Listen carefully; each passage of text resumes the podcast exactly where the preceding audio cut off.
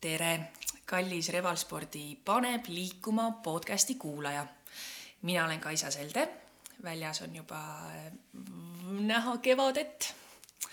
ja äh, minu vastas istub imeline, imekaunis nagu kevad, äh, naine suure algustähega, Rutt Rauba. mul on suur rõõm, Rutt, et sa minuga oled.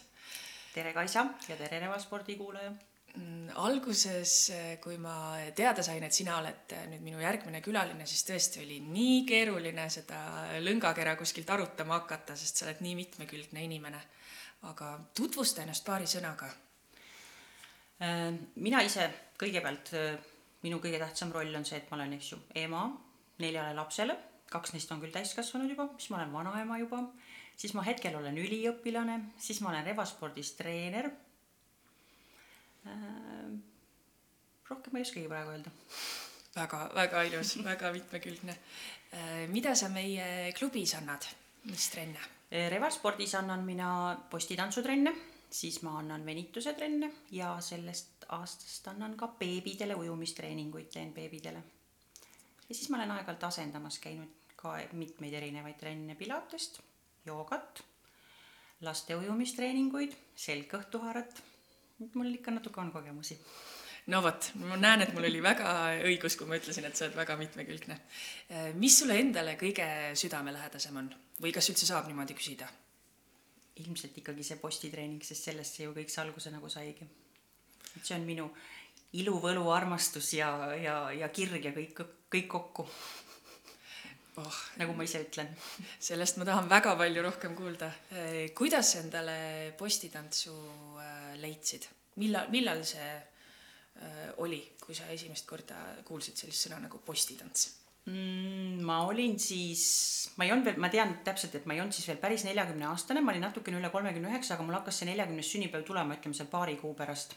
ja siis ma juhuslikult vaatasin telekast, oli üks muusikakanal ja sealt tuli Bruno Marsi kontsert tuli ja tema siis seal laulis niimoodi kenasti ja siis oli temal seal taustaks tantsis, tegi postitantsija tegi seda airwalk'i, see on see, et sa hoiad postist kinni, eks ju, ja siis õhus niimoodi kõnnid ilusti graatsiliselt. ja siis ma olin sellest, hea küll, see Bruno Mars sinna kõrvale, eks ju, aga ma olin sellest postitantsijast olin ma nii lummatud ja siis ma vaatasin seda, ma mõtlesin, et issand, ma tahan ka seda sporti teha või mis iganes see on, eks ju, et ma tahan seda teha. ja siis ma hakkasin uurima ja siis mul vanem tütar otsis mulle välja, et aga tead, et Tallinnas on täitsa olemas revalsport, et mine, mine proovi ära seal. Siis ütlesin mehele ka, et tead, ma lähen postitantsutrenni, mees ütles muidugi mine ja siia ma sattusin ja siia ma jäin niimoodi. et see oli lihtsalt selline armumine esimesest silmapilgust ühte spordialasse. oh, kui tore ja kohe äh, esimeses äh, trennis tundsid ära, et vot see on see minu unistus jaa, sellepärast et ta ikkagi on hästi palju selle akrobaatikaga seotud ja mulle väiksena nagu meeletult meeldis see iluvõimlemine või noh, mitte siis mitte niivõrd iluvõimlemine, vaid ma tean, et me väiksena nagu hästi palju nõukogude aja inimesed ilmselt mäletavad, et olid sellised vaibakloppimise puud olid õues. nii, ja seal peal meie siis nagu tundide viisime, võisime istuda igasuguseid kukerpalle ja asju ja, ja mis iganes teha ja see mind nagu väga tollel ajal juba köitis. no ja siis tulin siia postitrenni ja siis tollel hetkel oli treener, oli siin oli üks Piia. ja siis muidugi see Piia ise seal posti küljes ja siis kõik see graatsilisus ja see, siis ma olin okei okay,, mina olin nagu täiesti tehtud, see on minu, minu sport, mida ma tahan nagu teha aga mis seal äh, postitantsutrennis üldse tehakse, kes ei ole kunagi sattunud? Äh, ta on ikkagi, ta ikkagi suures pildis on ta ikkagi puhas selline jõutrenn, sest kogu see, kõik need trikid, mis sa seal teed, eks ju, sa teed ju, tõstad ju oma keharaskust. Ja siis sa pead seda keharaskust hoidma seal posti küljes kinni.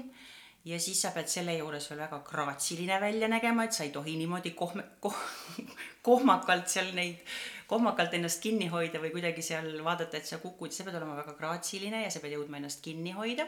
et see on nagu see, mis meie revaspordis teeme, et sellel postitantsul on ka, tal on erinevaid alaliike ka, eks ju, et kes teevad seal nii-öelda rohkem seda põranda peal, ma ei teagi, kuidas seda eesti keeles õigesti öelda, aga teevad põranda peal siis nii-öelda seda floor work'i, mis on seal posti ümber ka.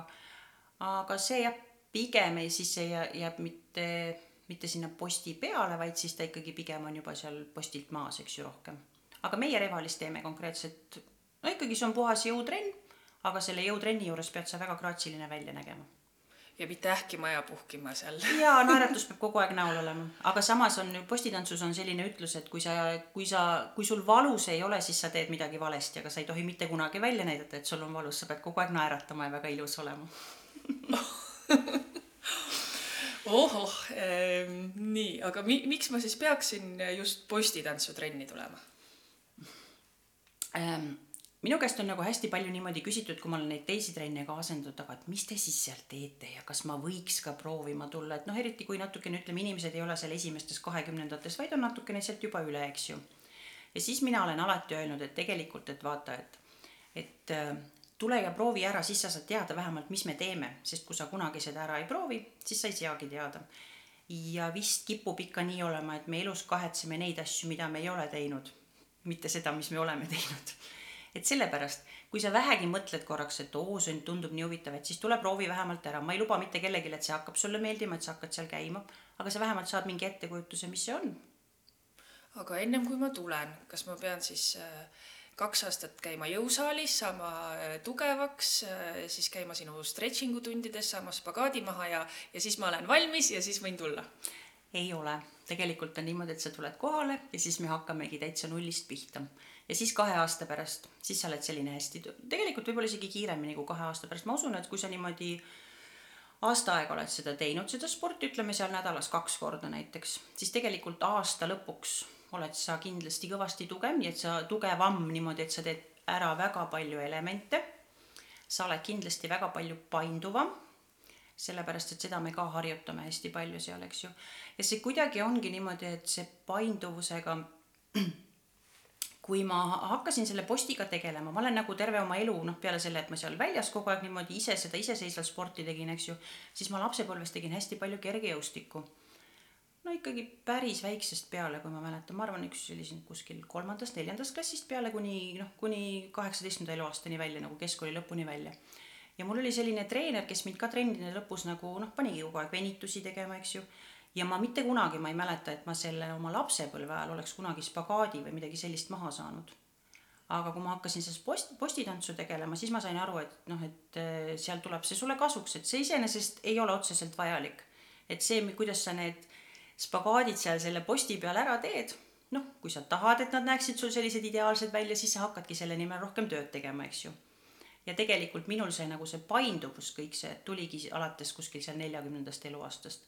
Nii et siit on jälle väike vihje, et ei ole niimoodi, et kui sa oled juba natukene vanem, et siis võib-olla sa ei paindu enam nii hästi, paindud küll ja saad küll kõik tööle, oma liigesed lahti ilusti ja lihtsalt tuleb üks selline eesmärk endale võtta, mis sa tahad. et sa pead nagu kindlalt teadma, et seda tahad. oh, seda on nii hea kuulda, nii hea kuulda, et ei ole veel hilja. Ja ma mõtlen, mina pole ka kunagi elus spagaati maha saanud, kuigi lapsena tegin iluvõimlemist ja, ja mida kõike, aga nii et äh, tuleb sinu trenni tulla ikkagi ja siis on kõik võimalik. jah, venituse trenni võib tulla küll. et seal me kogu aeg töötame ka selle nimel. me vist iga trenn tegelikult ma ei teegi seal spagaati, aga me töötame kogu aeg selle nimel, et puusad oleks rohkem nii-öelda lahti. et see spagaat tuleks jälle ikka natuke rohkem ja rohkem ja rohkem maha. aga postitantsutrenni ma siis võingi tulla põhimõtteliselt kaks kätt taskus või mi- mis, millised riided mul peaksid olema? olen kuulnud, et te teete mingisuguse kreemiga ennast kokku hmm?. nii, mi-, mida, mis see kõik on? Neid kreeme on kaks tükki, aga mina nagu esimeste trennide puhul ma ütlen alati, et teeme esimesed trennid üldse igasuguste ilma kreemideta ja siis, kui sulle nagu tundub, et sa ikkagi tahad seal trennis käima hakata, vot siis ma lasen alati katsetada, et on nagu kaks erinevat vahendit, mis me seal kasutame, üks on see itak, ma ei teagi, kuidas ta eesti keeles on, tema on selline kleepuvam ja teine on siis selline magneesium, et sa pead selle üles leidma selle enda jaoks, sest nad tegelikult on täiesti, mõlemad oma toimelt on nad mõlemad täiesti erinevad nagu keha, keha vastu toimelt. samas see toime, et nad sind posti küljes paremini kinni hoiavad, see on neil üks, eks ju. aga sinu keha vastu nad töötavad hoopis erinevalt, et siis katseta ära, nii et ilma kreemita esialgu, eks ju, ja ilma äh, magneesiumita esialgu. aga mis sa kindlasti peaksid selga panema, on lühikesed riided, et pane pikkadele riidele, riietele lühikesed riided alla. sellepärast, et postis on üks asi on, et riie ei haaku sinna posti külge aga see on see nahk, mis sinna posti külge haakub ja sellepärast ma ka alati inimestele ütlen, et see ei ole mitte see, et kuigi meil on väga ilusad ja treenitud ja lihastes kehad siin, ei ole mitte see, et me neid tahame väga näidata ja sellepärast oleme nii nappides riietes, vaid sellepärast, et nahk on see, mis sinna posti külge haakub. et riie ei haaku sinna külge lihtsalt ja ma olen ka kuulnud, et tekivad sinikad tänu sellele, et see nahk haakub sinna või kuidas nende sinikatega on, räägi. sinikatega on ka see lugu, et esimesed, noh, tavaliselt on see kuskil sihuke kaks kuud, eks ju, tekib neid jah, ja kogu aeg ja väga palju, aga siis on see, et see nahk võtab selle kuidagi selle omaks ja neid enam ei teki. Et noh, minul ka mõnikord harva veel ikka tekib, eks ju, mõned üksikud kohad, aga see nagu, kui sa hakkad seal alguses käima ja tegema, siis alguses on jah, jalad on väga sinised, sellepärast ma kogu aeg ütlen ka, et et oleks nagu ilus ja ühtemoodi, siis tee alati mõlema poolega trenni, eks ju. et siis on muidu on ainult ühes põlveõndlas on sinikad, aga siis oled mõlemalt ühte poolt, ühtemoodi sinine. nii et see ei ole sellest, et ma midagi valesti teen, vaid mm -hmm. ongi, et keha ei ole harjunud just. ja, ja võtab natukene aega. just, ja see võtab natukene aega lihtsalt. nii et kahe kuuga kaovad need sinikad ära ja siis sa ütlesid kahe aastaga. aast-, ühe aastaga. ühe aastaga oled juba kuskile nii-öelda jõudnud millal ma siis oskan neid ilusaid, imeilusaid trikke teha juba seal posti ümber? no nagu ma ütlesin, see üldiselt, see tegelikult on ikkagi ka päris individuaalne ka, eks ju, aga ütleme, see keskmine on siiski, et kui sa oled nagu aasta aega seda trenni teinud, siis sa juba teed päris palju ilusaid trikke, tegelikult. juba aastaga? jaa, mõned teevad ka kiiremini, ütlen ausalt. on ka meil selliseid imelapsi ka vahest juhtub, aga mõnel võtab jälle natuke pikemalt aega, aga sellest ei ole ka üldse midagi. nagu ma lohutangi et nad on lihtsalt siis viisamad. teised on andekad, aga nemad on viisamad, jõuavad oma viisadusega kaugemale. aga kui ma esimest korda sinna trenni tulen ja vaatan, et kõik juba teevad neid trikke ja, ja on nii, nii professionaalsed, siis no mis sa minuga seal esimeses trennis teed, kui ma tõesti tulen esimest korda? mulle meeldib kohe, et see on üldiselt, see on nagu selline trikk, millega saavad kohe peale esimest trenni kõik hakkama, mulle väga meeldib Martini kohe esimesena selgeks õpetada. ja see selline, kui ta on seal esimest korda selles trennis ja ta teeb, trenn saab läbi ja siis see vau-elamus tema jaoks, et oo, ta on selle ühe triki selgeks saanud. see Martini, see nimetus tuleb sellest, et sa oled seal posti peal, sa oledki nagu natuke selle Martini klaasi kujuline, eks ju, ja siis see oliiv on sealt või see selle hambatiku otsast see oliiv vaatab sealt välja, et see kuju on selline, sellest tuleb ka see nimetus Martini. aga see on üldiselt selline, et ta ongi trikk omaette trikk ja sellega üldiselt saavad enamus hakkama peale esi-, esimese trenni lõpuks. ja ma olen ka kohe nagu andnudki, et esimese trenni lõpuks selline trikk. oh kui põnev. kas äh, ongi igal nendel sellel trikil ja sellel asendil on oma nimetus kohe? jaa, ja üldiselt nad on ma tean, et siin Eesti selles kogukonnas kunagi oli see, et meil on, eks ju, nii-öelda oli siin eestikeelne kogukond ja siis oli nagu venekeelne kogukond, kes selle postitantsuga alustas aastaid tagasi. ja siis nad kuidagi vist läksid seal nagu inglise keelest, kui nad neid termineid üle võtsid, siis seal vist läks nagu natukene vaidluseks, nii et tegelikult enamus meil neid terminite nimetusi on siiski, on kahjuks inglisekeelsed.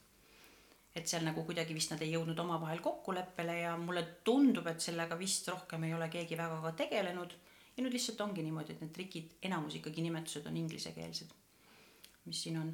aga tuleme selle juurde veel tagasi, see, et kui sa tuled sinna esimest korda sinna trenni ja siis noh, meil on kõik tasemed koos, eks ju, siin Revalis. kuna meil need, kes siin nagu püsivalt kogu aeg käivad, et see grupp on selline pisikene, eks ju, et siis meil ei ole mõtet seal eraldi teha, et paneme algajad ka juurde, et siis me teemegi niimoodi, et on, on koos need, kes kogu aeg on käinud, ütleme siis, et ikkagi tubli kesktase ja siis, kes tulevad esimest korda proovima ja paljudele nagu on see, et ähm, ongi, see on nagu niisugune motivaator seal ees, et vaata, kui sa käid siin trennis, siis sa jõuad selleni välja, eks ju. aga on ka üksikuid, kelle jaoks see on nagu natukene võib-olla pigem selline eemale peletav, aga ma pigem arvan, et need on üksikud. et kes tahaksidki tulla ja siis tehagi sellise oma taseme algajate, algajatega ainult koos oh, kõlab juba nii põnevalt ja ütlen ausalt, mina pole ka julenud veel su trenni tulla. aga et siis äh, nagu iga asjaga peab seda järjepidevalt tegema, eks ole. et no sellest ei ole kasu, kui ma kord kuus nüüd üks kord äh, kuus käin sinu trennis ja ülejäänud aeg käin ikkagi teistes trennides. ei, selles mõttes, et ikka on kasu, et see sõltub nagu sellest, kuhu sa ise selle posti peal jõuda tahad, eks ju. et sul lihtsalt, kui sa, kui sa ka aasta aega üks kord kuus käid, noh siis sa oled kaksteist korda käinud aasta lõpuks, eks ju, siis sa oled ikkagi kuskile ka jõudnud, et see ei ole nagu päris niimoodi, et siis üldse kuskile ei jõua et Revali eelis nagu kõigi nende tavaliste, mis meil siin postitantsuklubid siin Tallinnas on, on, on, eks ju, ongi see, et sa saad teha postitrenni, aga peale selle sa saad ka kõike muud veel treenida. sest postitreeningus sa paratamatult ikkagi suurema koormuse saab meil ülakeha, eks ju, ja jalad meil nii väga seda koormust ei saa. aga kui sa siin Revalis, sul on see kuupakett, eks ju, siis sa ju käid neid, kõiki neid teisi trenne sa teed, saad ka teha ja sa saad jalgadele ka korraliku koormuse et see on nagu Revali eelis minu, minu jaoks nagu väga suur eelis on kogu aeg olnud läbi aastate, ka siis, kui ma veel ise treener ei olnud, vaid kui ma treenimas käisin nagu. just, ja nagu sa nimetasid, on ka äh, mujal üle linna postitantsklubisid mm. -hmm. sellest ka järgmine küsimus, et mis sa arvad, miks üldse selline asi nagu postitants on nii popiks äh, kujunenud?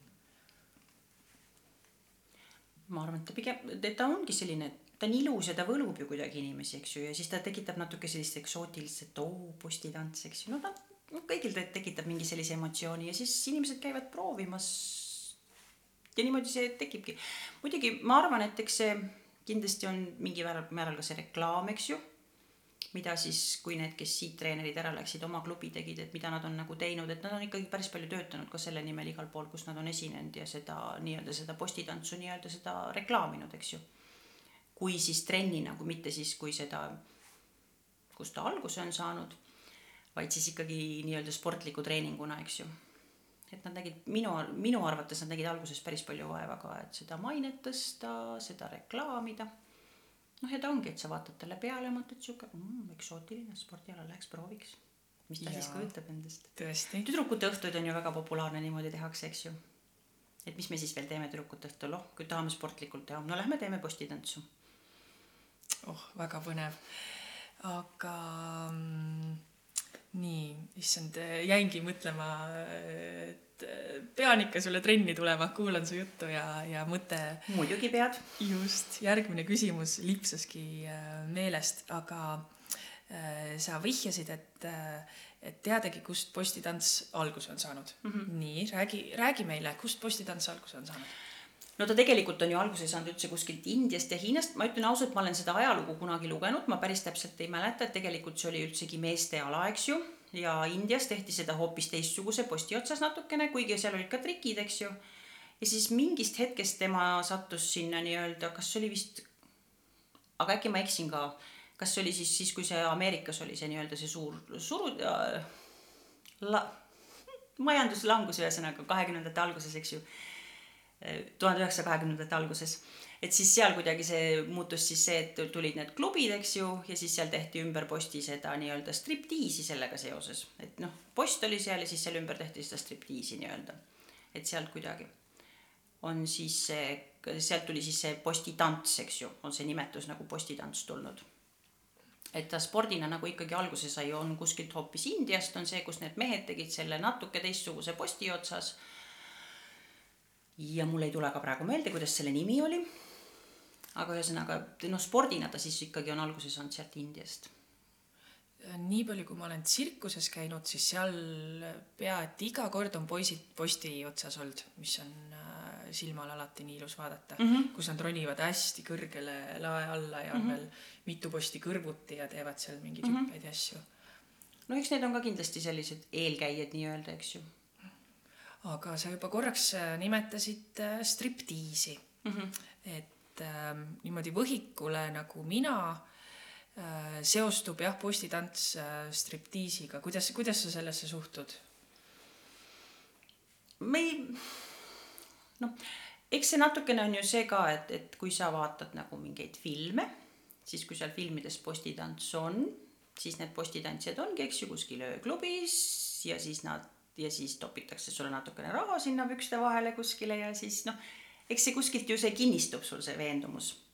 ja ta mingil määral on selle striptiisiga noh, siis niimoodi ta seostubki sulle selle striptiisiga, eks ju, et kui sa nagu ühte asja kogu aeg näed, siis sa mõtled, aa postitants, et see ongi see, et seal posti ümber niimoodi hõõrutakse ja seda raha teenitakse, eks ju. aga okei okay., et ähm,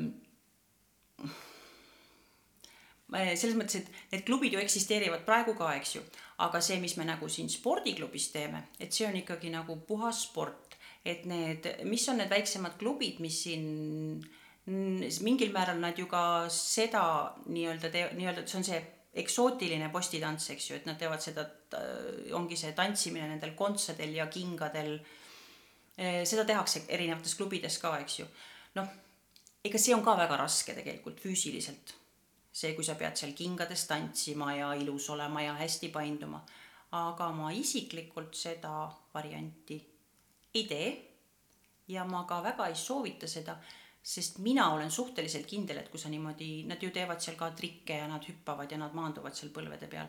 ma nagu päris kindel ei ole, et see su põlvedele ja pahkluudele vanas eas hästi mõjub et sellepärast mina seda varianti nagu ei soovita, aga mis mis ei tähenda ka, et ma ütlen, et see on vale, eks ju, et ma lihtsalt ei soovita seda. Nii et sinu trenni tulles mul neid äh, Ei. kingi ei ole kindlasti vaja. just, ja meie, meie trenn ikkagi on konkreetselt keskendubki ainult nendele trikkidele, mis me seal posti peal teeme. ja sa pead olema ilus ja graatsiline, aga, aga ikkagi enamus trikke, mis me seal teeme, on posti peal. just. nii, mina sain küll väga palju targemaks, aitäh. nüüd vahetame natukene teemat ja nüüd mõnda aega tagasi, kui äh, kõik spordiklubid olid kinni, siis mm, mõtlengi, kas, kuidas sellest rääkida, koroonast on nii, nii palju räägitud, aga aga sina võtsid kätte ja läksid äh, haiglasse appi mm. -hmm. mäletad sa seda? no ikka mäletan see oli selline lugu, et äh, minu sissetulek, eks ju, noh, siis ongi, et see, et meil on üks kõrts Tallinnas, kust tuleb sissetulek, mis pandi siis kinni, sest tuli koroona, eks ju, ja siis on need trennid, mida ei saanud ka anda, sest oli koroona. täiesti arusaadavad olid tollel hetkel need piirangud, eks ju, aga kui sa nagu oled ähm, kui su nagu sissetulek nagu päevapealt niimoodi ära kaob ja sa ei ole nagu sellega arvestanud selles mõttes, et sul küll teatud vanuses juba mingisugunegi varu on, aga sa oled nagu plaaninud, et sa seda kasutama hakkad alles siis, kui sa oled pensionil. aga siis, kui sa oled nagu fakti ees ja siis see, et sa ei saa nagu üldse ei saa enam mingit tööd teha. Ja see nagu ei lähe kolme kuuga üle ja see ei lähe poole aastaga üle, vaid see ongi ja ongi ja ongi. ja siis sa ikka nagu mõtled, et aga et kaua ma siis seal kodus puhkan niimoodi, eks ju ja siis me natukene, ma natuke nagu vaatasin, et mis tööle võiks minna, ma proovisin selle GoWorkabiti kaudu, proovisin, et okei okay,, et ma lähen siis teen sealt mingi tööd, aga mind sealt millegipärast kuskile ei võetud ja siis mul vanem tütar lihtsalt tuli, sest temal endal oli üks. aa, ja ma veel sel hetkel rääkisin nagu arstidega ka hästi palju, et minul nagu tööd üldse ei olnud midagi teha, eks ju, lihtsalt istusid kodus, vaatasid lakke ja nemad olid siis uppusid töösse, et noh, nende, nad olid tõesti nagu nii väsinud ja siis mul tütar tuli, et kuule, aga et tead, et mul see üks sõbranna töötab seal on ju selle seal haiglas töötab nagu õendusjuhina, et kuulutas välja, et niisugune koolitus on, et tahad minna sinna haiglasse tööle. ma ütlesin, no hea küll, et ma siis lähen, et noh, see ei paistnud nagu ka kuskilt, et saaks kuskile. et oleks nagu võimalus, et, et spordiklubid läheks lahti või kõrtsud läheks lahti ja saaks oma tööga tegelema hakata. ja siis ma läksin sinna koolitusele. Sest noh, tegelikult seda, ütleme nii-öelda seda hooldajatööd mingil määral ma sellel hetkel tegin kunagi oma väga lähedase inimesega ühega, nii et ma iseenesest mul ettekujutus, mis endast, mis see tähendab, mul oli mul täiesti olemas, et see ei olnud nagu sihuke pea ees tundmatusse kohta hüppamine. aga see on selline noh, et kui on vaja teha, noh siis sa teedki, eks ju. mis sa siis ikka teed. ja siis ma sattusin sinna koolitusele, läksin sinna koolitusele, kolm päeva meid seal koolitati ja siis ma olin kaks kuud olin PERHis olin tööl hooldaja Covidi osakonnas, selles kõige raskemas nii-öelda. ei olnud üldse väga raske töö nii et sa olid seal täielikul rindejoonel nii-öelda? jep, jep, olin küll jah. ja siin ei olnud midagi hirmu. mulle öeldi seal, kui ma sinna läksin, siis tegelikult mulle need õed ütlesid nagu kohe, et kes mind sinna nagu tööle võtsid, ütlesid kohe, et tegelikult, et siit osakonnast sul seda Covidit saada, on palju väiksem võimalus kui see, et sa sõidad liinibussiga ja siis sa saad sealt selle kuskil, noh, tegelikult oligi, et seal oli nagu kõik nii steriilne ja sul olid kõik need kostüümid seljas ja selline, jah. Nendest kostüümidest olen ma ka palju kuulnud, et äh, issand, mitme tunni kaupa need õed peavad seal kostüümis olema ja seal ei saa hingata ja, ja ei näe nii hästi ja higistad ja selline väga ebameeldiv. jaa, sul on kaks tundi olid seal, kaks tundi olid sa selles Covidi osakonnas sees, eks ju, ja siis olid sul need ühed riided kogu aeg seljas. Ja ma tulin ka sealt mitu korda niimoodi ära, et oligi see alumine siis nii-öelda see noh, see arstiriietus või see hooldajariietus, eks ju, et see oli nagu täiesti läbimärg aga jah, sul olid seal prillid ees, sul olid mütsid peas, sul olid kogu aeg kindad, topeltkindad olid kogu aeg käes, siis selle arstiriietuse peal oli sul veel need kileriided, eks ju, ja, ja siis oli sul seal veel peal mingid põlled ja asjad ja et kilekihti oli palju ümber, jah oh appi, aga see on nii tore, kuidas sa nii rõõmsalt sellest kõigest räägid ähm,. aga mida sa seal äh, osakonnas nägid, tahad sa sellest natuke rääkida?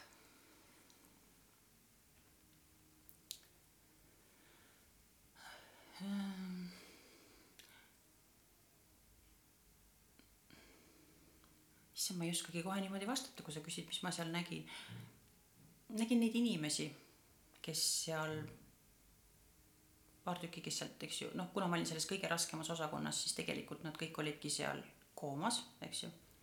siis paari ma nägin, kes sealt välja tulid, see oli minu arust päris kole.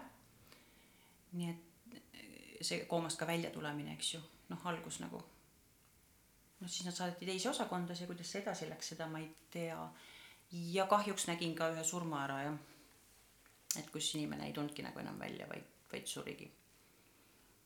aga mida ma seal nägin, oli see, kuidas see, kuidas need hooldajad seal kõik olid nii toredad, kuidas nad tegelikult kõikidena nagu tõesti nagu neid inimesi niimoodi südamest hooldasid ja hoidsid ja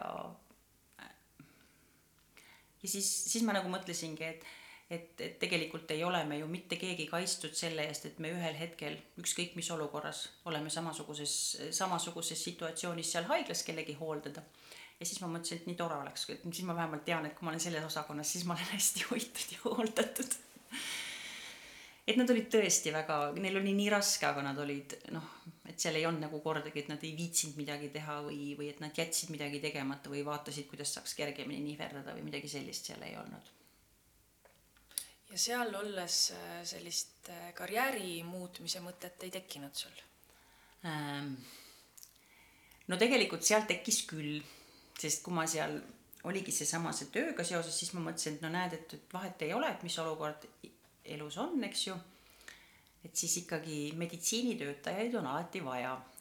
ja siis, kui meil oli see koolitus, seal oli äh, enne sinna Covidi osakonda minekut siis see toimus meil Tallinna Tervishoiu Kõrgkoolis, see koolitus, siis seal, kes meile seda koolitust läbi viis, siis tema väga kutsus ka, et jaa, et meil varsti tulevad sisse kas astumiskatsed siia Tallinna Tervishoiu Kõrgkooli, et tule, tulge meile õppima. ja siis ta tutvustas kõiki neid variante sealt, seal oli, eks ju, et saad õeks õppida ja, aga minule jäi sealt kõrvu see tegevusterapeut. ja siis, ja sinna ma jõudsin ka ja nii et nüüd järgnev on juba ajalugu, nii et sa oledki äh, uhkelt äh, üliõpilane. just. Ehm, jah, tahtsingi küsida, et kust see mõte tuli ja näed, sealt see tuli. Äh, olid sa ennem sellest erialast midagi kuulnud? ei olnud kusjuures absoluutselt. see oli nagu minu jaoks oli täiesti selline täiesti tundmatu maa. kuigi selles mõttes, et ma nagu mingil hetkel ma mõtlesin, et äkki ma lähen ikkagi algklasside õpetajaks õppima, et mul küll on üks kõrgharidus aga see kuidagi ei köida mind nagu see, mis ma olen kunagi õppinud siis, kui ma oma esimestes kahekümnendates. siis ma olen nagu vahepeal ma kaalusin ja mängisin selle mõttega, et kuna mu oma need kõik need lapsed hakkavad nüüd nii suureks saama, et aga et noh, pensionini on veel nii palju aega, et äkki ikkagi peaks mingi uue hariduse vahepeal õppima. ja siis ma nagu natukene mängisin selle mõttega, et äkki ma lähen algklasside õpetajaks õppima, sest lapsed mind väga köidavad aga siis kuidagi, kuidagi jah, sellel, tänu sellele Covidi koolitusele, sellel Covidi töötamisel seal haiglas, siis ma kuidagi jõudsin selle tegevusteraapiani hoopis. mis te seal õpite? psühholoogiat, anatoomiat, füsioloogiat, järgmine aasta hakkame farmatseutikat õppima ühesõnaga kõike, mis on nagu siis äh, inimese tegevusega seotud. ehk siis see inimese tegevus on see, et äh, me ju kõik kuidagi siin elus, et meil on mingid rollid, eks ju, noh, et kas ma olen ema, kas ma olen õde, kas ma olen, ma ei tea, peaminister, kas ma olen firma juht, kas ma olen ettekandja, need kõik on meil mingid elus mingid rollid, eks ju.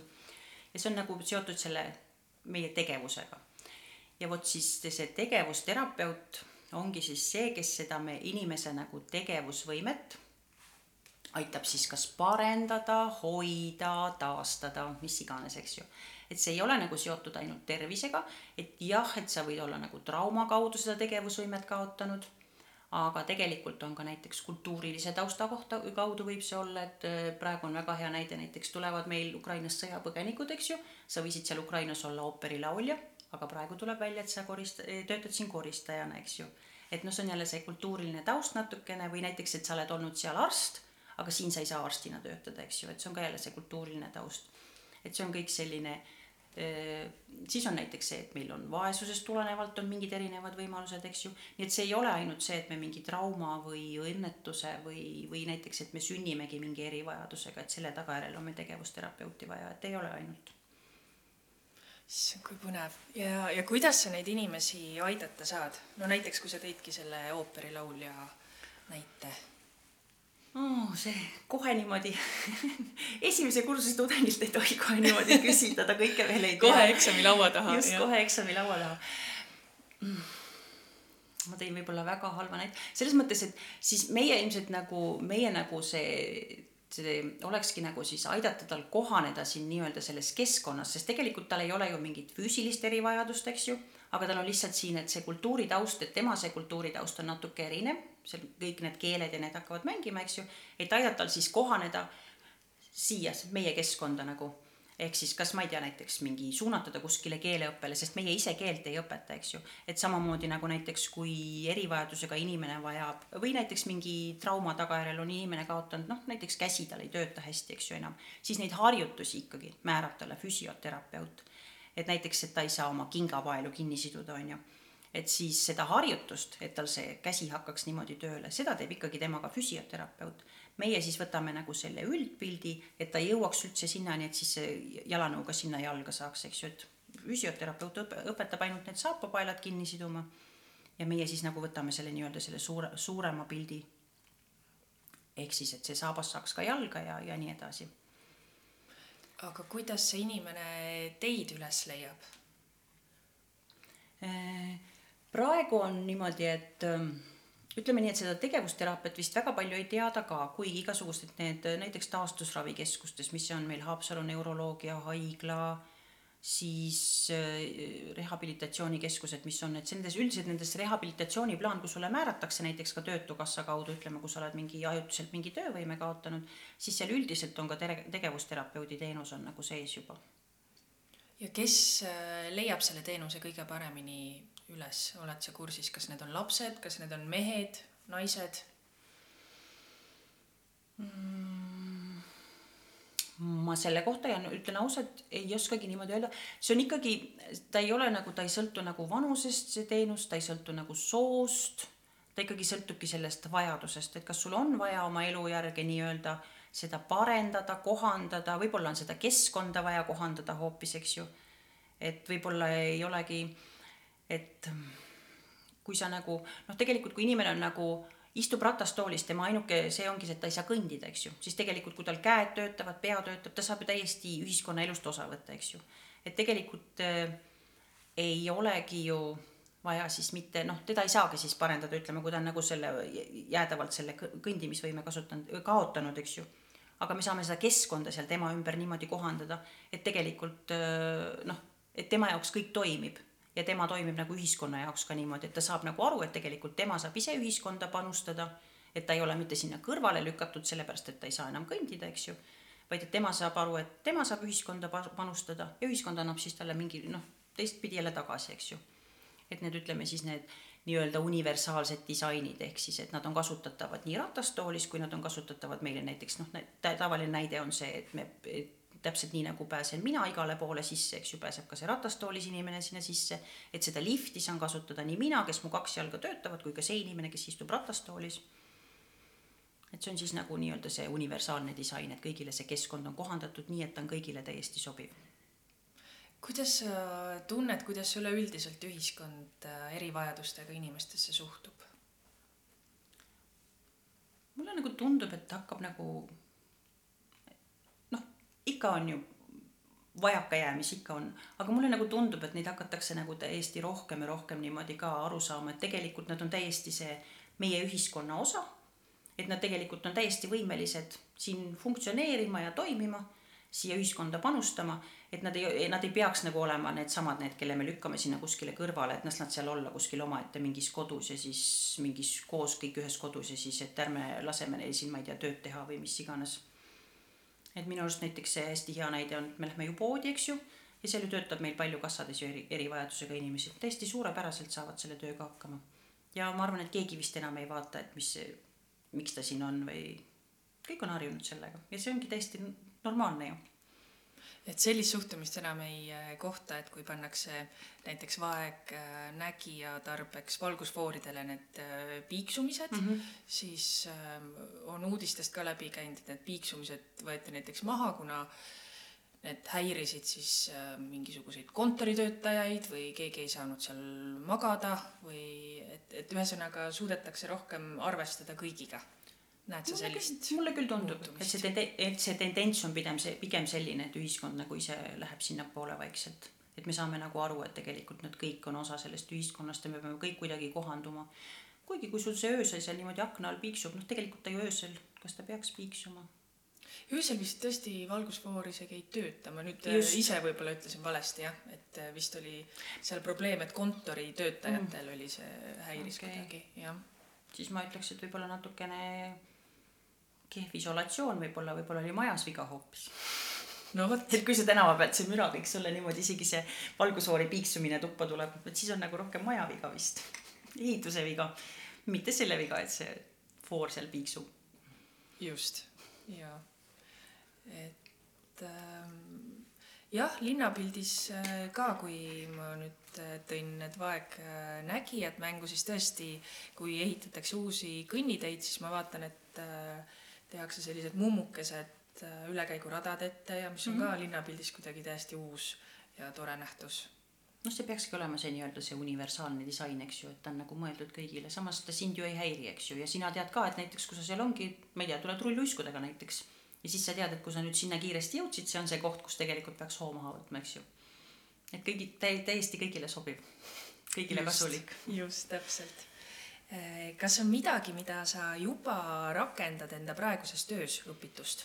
jaa, mul oli, meil oli see elukaarest, eh, elukaar, nii-öelda inimese arengutund, eks ju, ja siis meil oli seal elukaarest oli hästi palju juttu ja seal oli meil siis oli nagu beebide arengust täpselt, tegime veel ise oma iseseisva töö ja kuna ma neid beebisid ujutan, siis ma kohe seal niimoodi hästi saingi vaadata seda, et sellel beebil on see ja sellel beebil on võib-olla see natukene ja et ma küll kellelegi midagi ei soovitanud, aga lihtsalt enda jaoks nagu niimoodi seostasin kohe õpituga. ja saan küll kindlasti. ja järgmine aasta meil ilmselt neid, mitte ilmselt, vaid tulebki kindlasti neid lastetunde tuleb eraldi juurde, eks ju, ja et see kõik tuleb mulle kindlasti siia kasuks. noh, anatoomiast füsio-, just ja anatoomiast trennides midagi? vaatad teistmoodi liikumist kui sellist? see on hea küsimus ma sellele pole isegi niimoodi mõelnud. no eks see, eks need teadmised anatoomiast ja füsioloogiast, need tulevad ju igal pool ikkagi ka treenerile täiesti kasuks ju. Need lisateadmised, kõik need. rohkem seda, jah, just. mis su eelmine kõrgharidus oli? Ärialane. oligi ärijuht ei, mul oli küll, mul oli ka veel, mul oli veel laiem oli seal prof-, see oli nii-öelda juures oli turismi juhtimine. aga ma ei ole turismis mitte päevagi töötanud. nii et sellest sa loobusid ja hakkasid nii äh, üks-ühele inimestega töötama mm,? see oli pigem see, et mul tuli sinna vahele, eks ju, vahepeal tuli neid lapsi sinna natukene vahele, siis ma kuidagi olin nagu nii-öelda mingi aeg olin ma üldse kodune. ja siis oli ikkagi see, natuke jäi sinna seda kõrtsundust. et sellega küll mina tegelen vähem, sellega tegeleb minu abikaasa, aga noh, mingil määral ikka mina ka e jah, aga kuidagi ma sinna selle turismivaldkonnani ma nagu üldse ei jõudnudki, et ma ei tea, see nagu ei jõudnud ühesõnaga. Tuli ja siis tuligi see, vahel tuli see postitants ja siis sealt läks see treeneritöö ja siis tuli see ühesõnaga kõik asjad minu elus on kuidagi niimoodi tulnud ja siis on vaikselt voolanud niimoodi paika. ja kuidas sa hetkel tunned, et kui sa nüüd lõpetad äh, ülikooli ära, kas Revalsport peab hakkama uut treenerit otsima või, äh, või saad sa kombineerida ähm, mõlemat eriala või, või sa läksid õppima lihtsalt selle jaoks, et siis äh, silmaringi laiendada, et enda praeguses treeneritöös olla parem. Ma isegi arvan, et seda täiesti annab siia, seda seal õpitut annab siia integreerida, aga kuna see on mul selline natukene idee tasand ja see jääb sinna ka sinna lõputöö kirjutamine, mis mul on alles neljandal aastal ehk siis kolme aasta pärast, et siis ma praegu siin rohkem seda ei avaks, aga seda kindlasti saab siduda siia treeneritöösse ka. kahtlemata saab, et sinust me siis loodetavasti ilma ei jää, et sa ainult tegevusterapeudiks siis äh, ei lähe Äh, praegu, praegu küll jah, et ma see on see, et ära kunagi ütle kunagi aga mul jah, sellist plaani ei ole, mulle väga meeldib Revalis. mulle tõesti väga meeldib Revalis, siin on väga tore. mul ei ole nagu hetkekski tulnud seda mõtet, et ma enam ei taha seda treeneritööd teha. oh, seda on ainult rõõm kuulda. mis sind eriti treeneritöös rõõmustab?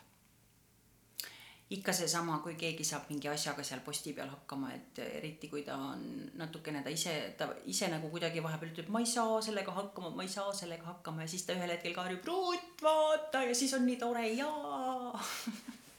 Et just see, kui see inimene selle oma selle vau-efekti saab, et ta nüüd millegagi on hakkama saanud, siis tegelikult see nende puhas ja siiras rõõm sellest, et kui ma olen selle asjaga hakkama saanud, see on ikka selline hea ja hea, tõsiselt hea teeb silmamärjaks natukene ja. et selle nimel sa seda tööd teedki? jah. kas on midagi, mis sind ka kurvastab treeneri töö juures?